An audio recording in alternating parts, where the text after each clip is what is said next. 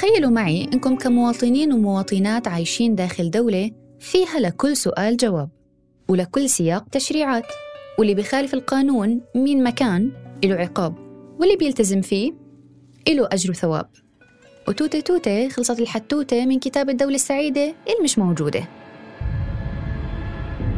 قانون آه، الأحوال الشخصية هو قانون يمس الأسرة آه، بكاملها. وفقا للتشريعات الأردنية لا يجوز تشغيل من هن أقل من 16 سنة فكيف لنا أن نسمح لهذه المرأة أو لهذه الفتاة التي لا يسمح, لا يسمح لها قانون العمل بأن تعمل أن تكون ربة أسرة وأن تكون مسؤولة عن إعالة أسرة جاء التعدد والطلاق والخلع من أجل حل مشكلة واقعة نعم. مش توقع مشكلة القوانين اللي بتحكم حياتنا مش أمر مسلم فيه.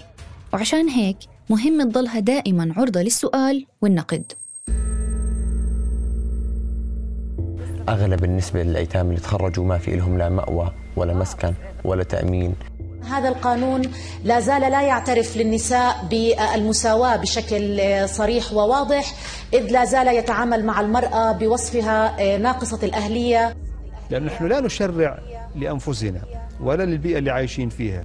نحن نشرع لقانون للدولة للوطن للأمة. بده يعالج كل المنظومة وكل الأسباب.